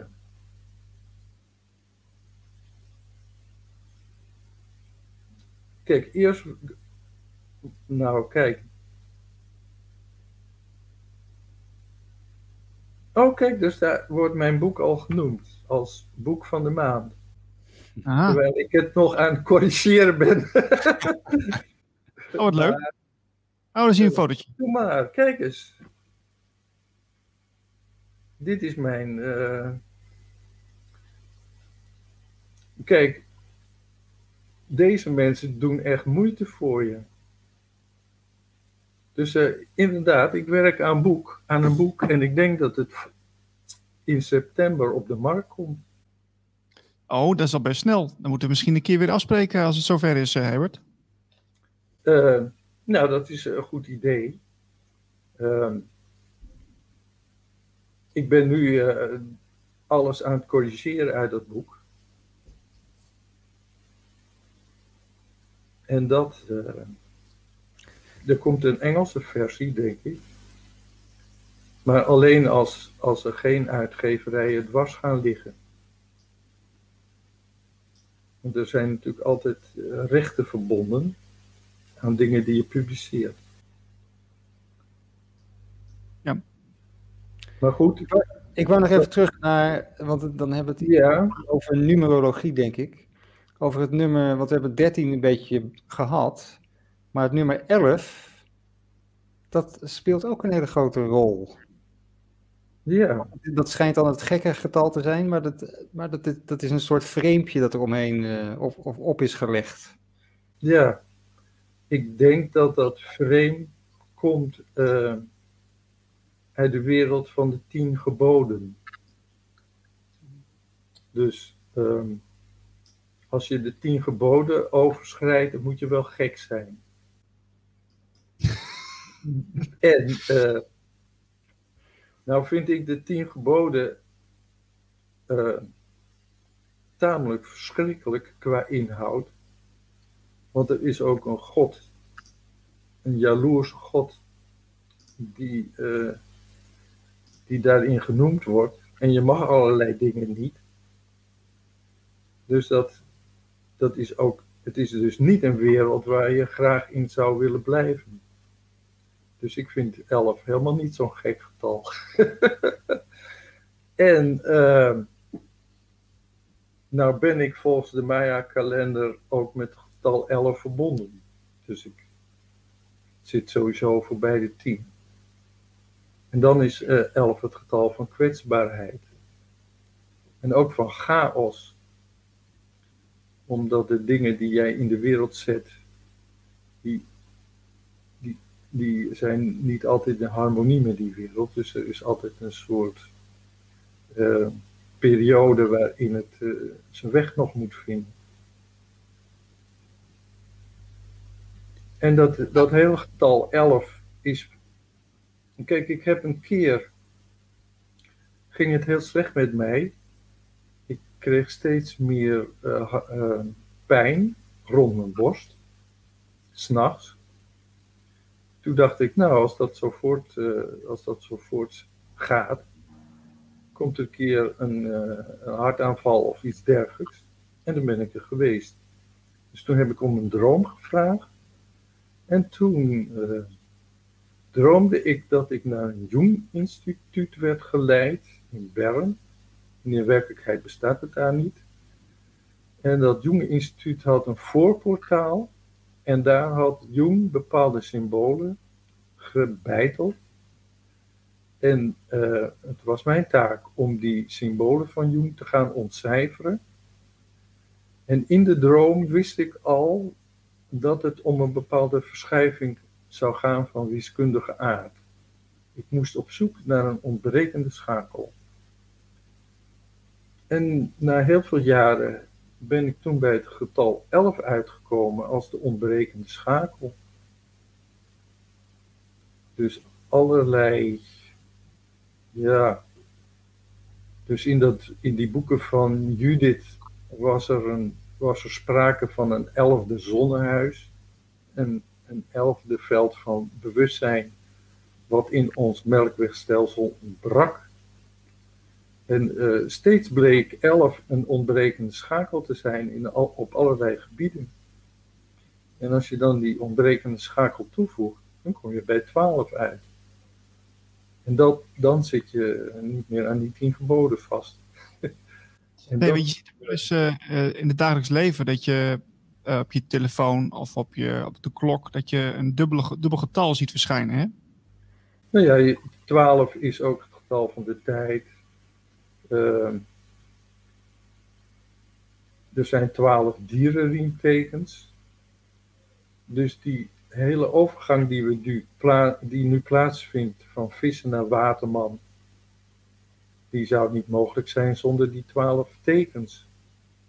En we maken muziek in de uh, met uh, twaalf verschillende half toontreden. Dus, uh, dus wat wil je nog meer? Nou, je, je zegt ook, om bij, om bij 13 te komen, heb je 11 nodig. Ja.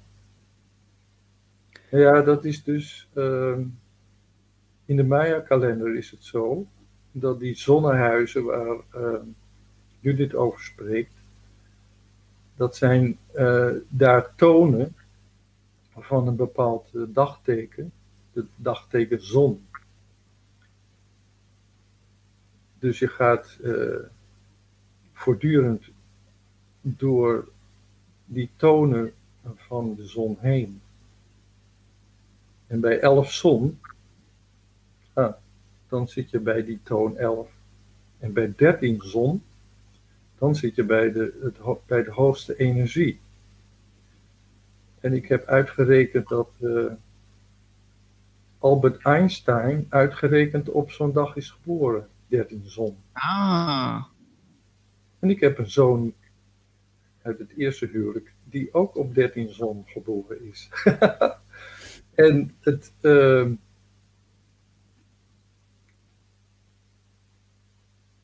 Maar het, kijk, er zijn twee dingen. Wij hebben een rekenstelsel met uh, tien verschillende cijfers, hè? negen cijfers en een nul. Ja. En dat is ontworpen om mee te rekenen. En dat maakt het eigenlijk ongeschikt voor andere doeleinden. En in, ik denk dat we naar een numerologie toe gaan, waarbij getallen of uh, bepaalde energieën voorstellen. Want elders in de Bijbel gaat het altijd om twaalf poorten van het nieuwe Jeruzalem. Uh, dan gaat het om kwaliteiten. En dan ga je er niet mee rekenen, maar dan ga je er op een bepaalde manier mee om.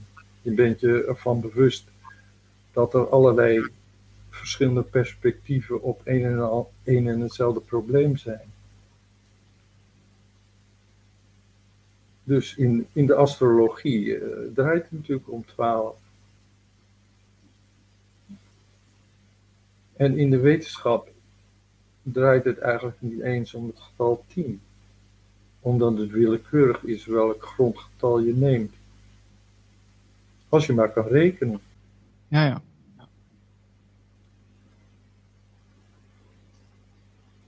Zijn jullie er nu al uit? nee, nee, ik zit, ik zit te luisteren. Misschien wil je nog wat meer vertellen, maar het is... Uh... Nou, nee, ja, ik kijk, het, uh, ik heb dit allemaal uh, vanuit dit huis waar ik nu zit, zitten bedenken en uitvogelen. En um,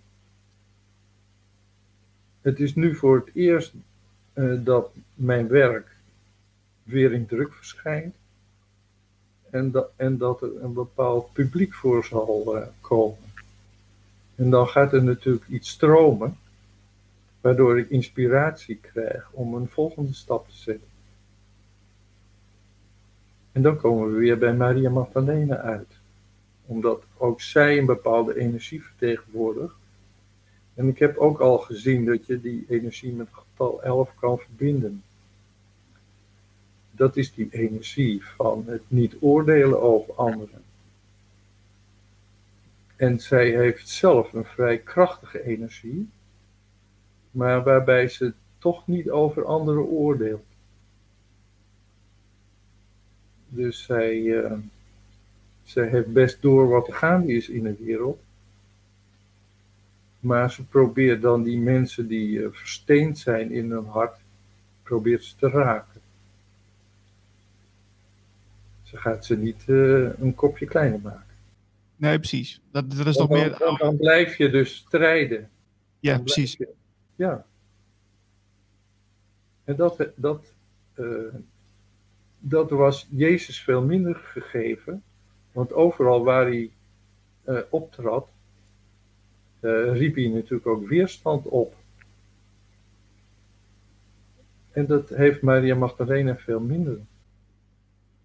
Heb jij ook het uh, Thomas-evangelie gelezen, Herbert? Ooit. Ooit, maar ja, het is wel een heel bijzonder evangelie. Ja. Ja, die... Um, er is natuurlijk in die oude gnostische geschriften nog veel te vinden van het oerchristendom. En dan is het ook veel persoonlijker. Ja, ja ik, want ik, ik, ben zelf, uh, ik ben zelf niet uh, christelijk opgevoed, uh, maar nee, ik, ik, ik, was, ik was wel heel erg geïnteresseerd in nou ja, verschillende stromingen. En ik heb toen, denk ik, vorig, vorig jaar heb ik het boek gelezen, Thomas Evangelie. Ja. En ik was wel al lange tijd met spiritualiteit bezig. En, en grappig genoeg begreep ik gewoon elk woord wat daarin stond. Ik, ik, ik, dacht van ja, dat, dat, dat, gaat over mij. Dat is gewoon, dat is gewoon bewust worden. Ja, nou ja, daar ging het Jezus ook om. Um, ik denk dat hij de mensen probeerde te raken in hun hart, waardoor ze in een hoger bewustzijn kwamen. En sommigen genazen daardoor. En hij wist het zo aan te pakken dat hij ook uh, bij de boeren en vissers ingang vond. En die hele leer van de katholieke kerk. Dat, dat is door filosofen in elkaar geknutseld. En dat, daar is eigenlijk al het leven uit verdwenen. Maar hij was denk ik ook een grappenmaker. En de vrouwen werden allemaal verliefd op hem, dus hij kon wel wat, uh, wat teweeg brengen. Ik denk dat het zo gegaan is. Maar er zat natuurlijk een heel plan achter. Hè? Hij, werd, um, hij werd begeleid door de Essenen. Ja, daar heeft hij ook een tijdje nog gewoond hè, bij de Essenen. Ja, misschien heb ik hem toen ontmoet. Dat kan wel. Want ooit heeft, uh, heb ik te horen gekregen via een medium dat ik in Qumran aan de Dode Zee uh, ja, eerst schrijver en daarna pottenbakker ben geweest. Ja, ik dacht het al. Pottenbakker? Ja, ik kon het eens zien. Ik kon het nou, ik was wel verbaasd. Maar ik was niet, want uh, daar is natuurlijk die broedplaats geweest. Want Jezus kon dat niet in zijn eentje. Hij had uh, die kruisiging natuurlijk nooit kunnen overleven als er niet bepaalde maatregelen genomen waren. Of een afspraak met Pontius Pilatus, noem maar op. Uh, daar was er niks van hem overgebleven. Er was al weinig van hem overgebleven, maar in ieder geval genoeg. Waardoor hij weer uit de dood kon opstaan. En... Uh, En wat ik van Judith heb begrepen, is dat die, uh, dat Maria Magdalena al zwanger was tijdens uh, die, toestand met de kruisiging. Hmm. Uh, wat, wat, denk jij van de, van, de, van de theorie dat, um, dat Jezus een buitenaardse was? Ja, maar we zijn allemaal buitenaards. Dus het, dat maakt natuurlijk geen verschil. Want onze ziel. Uh, kijk, als onze ziel eeuwig is, dan kunnen we alleen maar reïncarnaties hebben gehad in andere werelden. Dus misschien, hij was wel een, uh, een uh, categorie apart. hmm. Maar het, Ehm, dus, het, uh, dus die magiërs die hebben hun werk goed uh, verricht. Die wisten naar wie ze moesten zoeken. En uh, dus ze hebben denk ik eerst uh, Jezus opgespoord.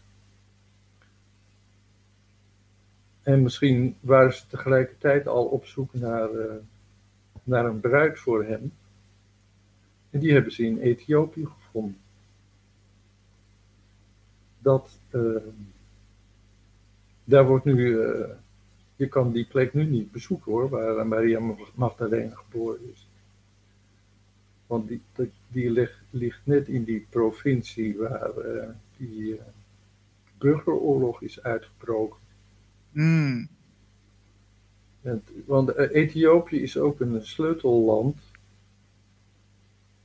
dus die strijders uit Tigray, die hebben Lalibela veroverd. En daar heb je dertien onderaardse uh, grotkerken. Waarvan er elf in de toeristenfolders uh, wordt vermeld. Dus die...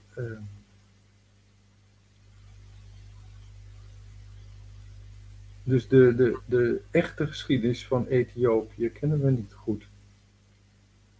Maar die, uh, die, uh, rotskerken worden ook weer uh, in verband gebracht met de tempeliers. En waar, waar dienen die dan voor, die, die, die ondergrondse kerken? Ja, die, die prins die die kerken heeft aangebracht, die, had, die was een hele tijd in ballingschap geweest.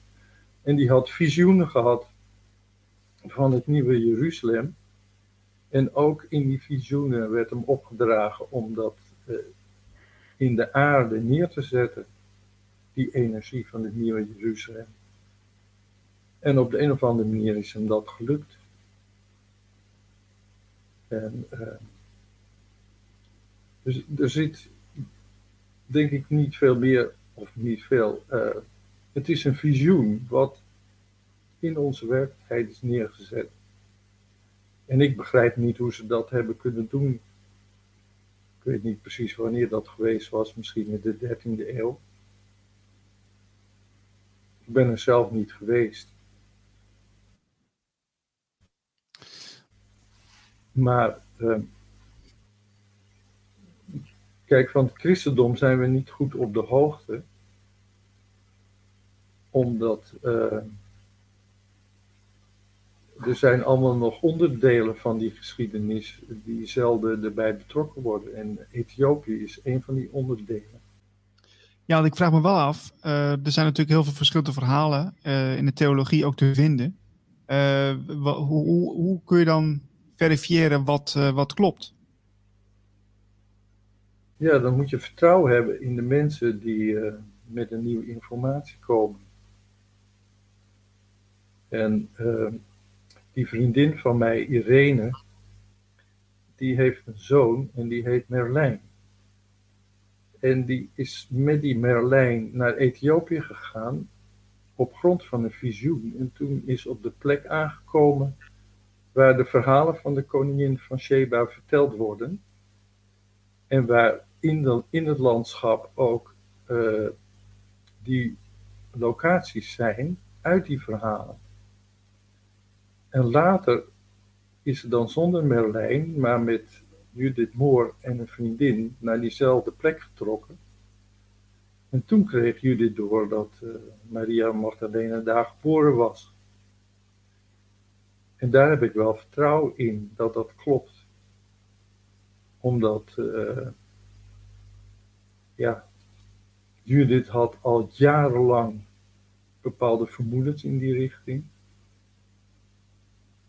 En ze is niet zelf gaan zoeken, maar iemand anders heeft haar de plek gewezen. En toen viel het allemaal uh, op zijn plek. Heb je zelf wel eens een uh, visioen gehad? Nou, ik geloof het eigenlijk niet. maar ik doe meer met dromen. En. Uh, Mediteer je ook? Nou, niet veel. Uh, ik denk dat het meer zo is dat er een bepaalde drive in mij zit. En dat ik daardoor af en toe de weg kwijtraak. Ook al om, omdat, uh, net zoals bij Parsifal, uh, het is heel moeilijk om uh, met je innerlijke kern verbonden te blijven. Als er niemand om je heen is uh, om die te, te spiegelen. Dus, uh, dus het, uh, die drive zorgt ervoor dat ik steeds nieuwe dingen onderneem. Maar ik heb een forum nodig om het te kunnen delen. Wie, wie spiegelt jou op dit moment? Nou, eigenlijk uh, alles. De, de, mensen. Ja, ik heb een aantal mensen die zie ik nu niet meer. Dus dan denk ik, ja, die, daar heb ik weinig aan. Uh, kijk, ik ben ook een tijdje in therapie geweest, craniosacraaltherapie. En die vrouw die spiegelde een tijdje voor mij eh, de anima dus het vrouwelijke aspect van het onbewuste. En dat was een vrij heftige periode, omdat ook die energie van de anima toen volop beschikbaar was. En uh, dat is dus een andere manier van spiegelen. Het brengt je nog niet helemaal tot jezelf, maar die die brengt wel allerlei dingen in jezelf naar boven. En omdat ze therapeute was, kon ze het proces daarna verder begeleiden. En gek genoeg heeft mijn, de dochter uit mijn eerste huwelijk toen uh, dat proces verder overgenomen. Dus ik was, uh, zo, ik was weer eens vastgelopen in iets en ook lichamelijk ziek geworden. En toen zei ze, je moet een sprookje gaan schrijven. En ik voelde meteen weerstand tegen die gedachte. Ik dacht, ja, uh, ik ben toch een geleerde, ik ga toch geen, ik, ik, weet zoveel, hoe moet ik nou een sprookje schrijven? Dus toen heb ik daar een week lang mee geworsteld. En toen kwam die droom uit New York, met die ronde tafel en al die vrouwen eromheen. Toen dacht ik, nou, dan ga ik nu beginnen aan dat sprookje. En twee dagen later was ik al genezen. Dat is bijzonder. En dat was. En het gekke is. Uh, toen op een moment was dat sprookje voltooid, de eerste versie.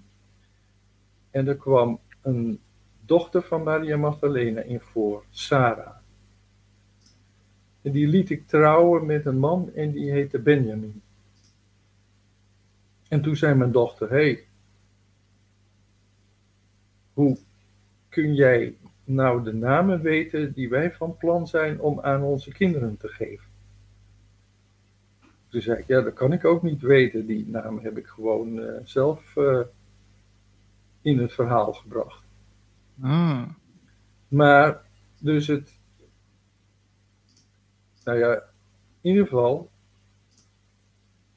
jaren later uh, kreeg ik een kleindochter.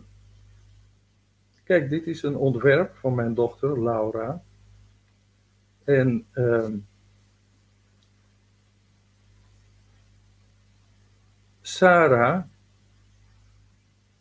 is hier de graalprinses. Dat is die dame die die graalbeker in haar buik draagt. En die trouwt dus met die man daarnaast, met die stok, dus Ben. En ik heb dat allemaal als sprookje vormgegeven. Maar inmiddels heb ik een kleindochter die Sarah heet. En uh, dus dat is denk ik toch dat gekke spiegelproces. Dat de dingen die, die uh, innerlijk in je plaatsvinden, als ze echt heel belangrijk voor je zijn, dan vinden ze ook buiten je plaats. Dus ik ben toch wel heel benieuwd naar wat er. Hier is Sarah. Hier heeft Sarah een, een verbinding met Maria Magdalena. En, maar ik heb dus nu ook een kleindochter. En ik ben benieuwd wat er in haar allemaal omgaat. Hoe zie jij je ziekte, Herbert? Nou, die kwam toen denk ik. Uh, kijk, die, er was een workshop met Judith Moore. En in de week voorafgaande aan die workshop was er heel veel agressie geweest bij de betrokkenen. En, uh, en toen die workshop geweest, geweest was, toen kwam ik ziek thuis. En toen bleek uh, de oplossing dat ik naar mijn gevoel ging. En dus uh, al die toestanden, van, die liet ik los. Is dat ook een. Ik, ik kom wel eens bij de huisarts, maar hij kan me eigenlijk nooit helpen. Want hij weet natuurlijk niet dat ik met een sprookje geholpen ben. en um, maar de, het gekke was dat het in twee dagen voorbij was. Dus hij gaf mij pillen. En toen het stripje op was, was er niks bereikt. Nee. En ik ga, ga dat sprookje schrijven. En het, en het was na twee dagen over. Hoe moeten we nou met ziekte omgaan dan? Ja, we moeten de ruimte hebben om er symbolisch naar te kijken, denk ik. En uh, sommige huisartsen die doen dat wel. Maar er is denk ik geen garantie dat je geneest. Maar uh, ik denk dat we nu met, die, met dat coronavirus misschien uh, bepaalde artsen meer de ruimte moeten gunnen om uh, via het immuunsysteem uh, te werken in plaats van met vaccinaties. Want met vaccinaties probeer je toch weer van buitenaf een beetje aan je lichaam te rommelen. En met bepaalde trucjes kun je dan uh, dat virus op een afstand houden. Maar dat komt misschien gewoon weer terug in een andere variant. Dus. Ja, dus is het ook niet zo, Herbert, dat. Uh, want je hebt, wat je eigenlijk nu schetst, is dat we steeds uh, wachten tot een externe partij buiten onszelf hè, ons, ons geneest, ja. gezond verklaart. Uh, is, het, is het niet eens een keer tijd dat we, dat we zelf meer naar, naar, binnen gaan om daar de oplossing te zoeken? Want ik kwam deze week weer iemand tegen die zei van... Ja, ik, uh, ik wacht nu op de Arbo-deskundige. En die gaat mij vertellen of ik uh, volgende week weer aan het werk mag. Oh ja. Nou ja, ehm, ik heb begrepen dat als ons DNA beter in orde zou zijn, dat we dan helemaal niet ziek zouden worden. Dus ik ken ook zat laatst uh, op internet ook een verhaal aan te horen van een arts of een onderzoeker die was naar het Amazonegebied gegaan om te kijken hoe die mensen omgingen met onze welvaartsziekten. Maar uh, die bleken daar helemaal niet te bestaan. dus hij kon weinig uh, betekenen. Dus het, ik bedoel, dus in zekere zin hebben we nu de ziekte die we zelf geproduceerd hebben. Dus daar heb je geen demente bejaarden, geen kanker en gewoon door een andere levenswijze. En wij hebben dat allemaal wel. Dus we hebben ook gigantische kosten aan onze gezondheidszorg. Het is toch verschrikkelijk wat je daar allemaal aan uitgeeft. Als er misschien wegen zijn om, uh, om er zelf wat aan te doen. Dus, uh, want technologisch kun je natuurlijk steeds verder gaan. Ja. Dus we leveren ons of uit aan kunstmatige intelligentie en technologie, of we nemen het heft zelf in handen.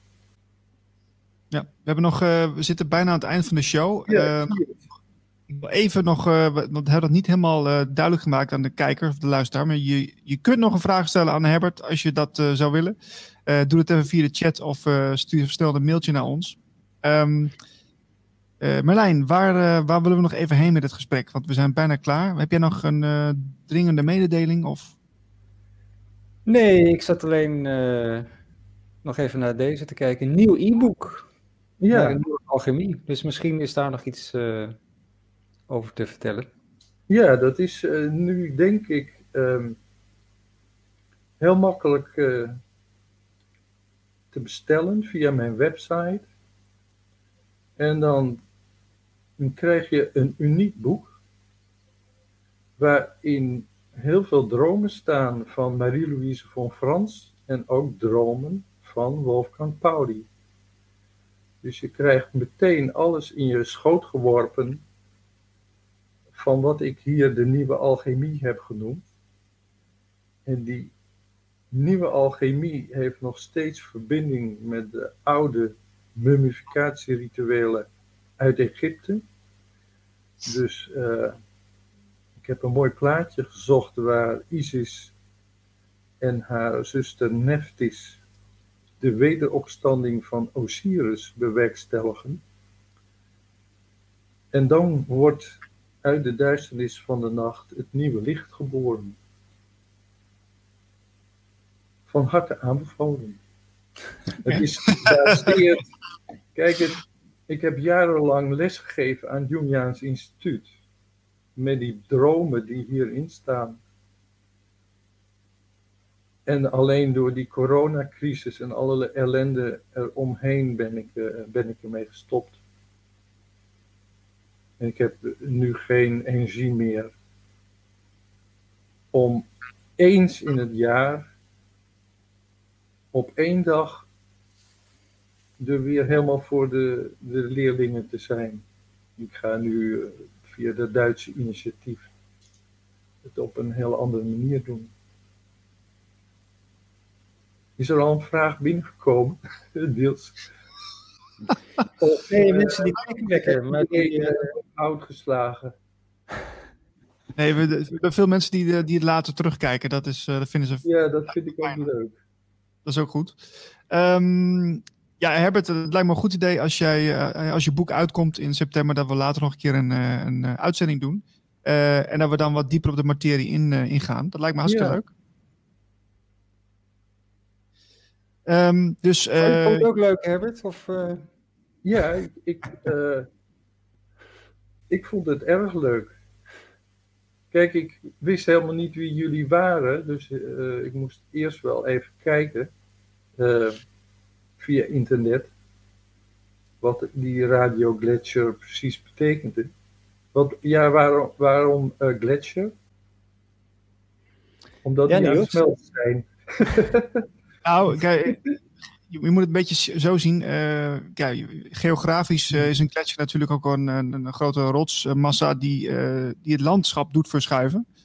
En ja dat uh, willen we ook graag doen met, uh, ja, met, met radio. En zoals het nu is en zoals wij dat ook zouden kunnen laten doen klinken. met, ja, met, met, met, met, met hoger bewustzijn, diepere radio, dat is onze slogan. Ja. over spiritualiteit, maar we, gaan nog, we zijn nog bezig met de pijlers. Om die wat beter neer te zetten en dan, dan komt daar meer duidelijkheid in. Maar dit soort onderwerpen die lijken mij mm-hmm. uitermate geschikt. Mooi. Dus ja, we gaan, we, we gaan uh, in september gaan we daar verder mee. Hartstikke goed. Um, ik wil jullie wel weten hoe het met dat boek afloopt. Wanneer het echt um, besteld kan worden. Hartstikke goed. Het, het, verschijnt in het Duits, maar als ik zelf voldoende aanmeldingen krijg, kan ik natuurlijk een partij op laten sturen. Dat mag altijd. Dan dat het één voor één over de grens komt. Ja. Of de mensen wachten de Engelse versie af. Maar de oertaal is in dit geval Duits. Oké, okay, oké. Okay. Um, Herbert, ik wil je heel erg danken voor je, voor je ja. komst uitzending. Nou, ik dank jullie voor de uitnodiging om uh, mee te doen. Uh, ja. Iedereen dat kijken. En ehm, we zijn er volgende week maandag weer vanaf 12 uur. Eh, live eh, Radio Gretcher met weer een nieuwe gast. En ehm, ja, voel je je aangesproken? Heb je zin om mee te doen met dit project? Denk je van nou, ik kan wel een leuk programma maken of ik kan op een andere manier bijdragen? Stuur even een mailtje naar info.radiogletcher.nl uh, En dan, dan, kunnen we zien en horen wat je ons kan bieden. En dan komen we graag met je in contact. volgende week zijn we er weer. En ik wens iedereen een heel fijn weekend. Bye bye.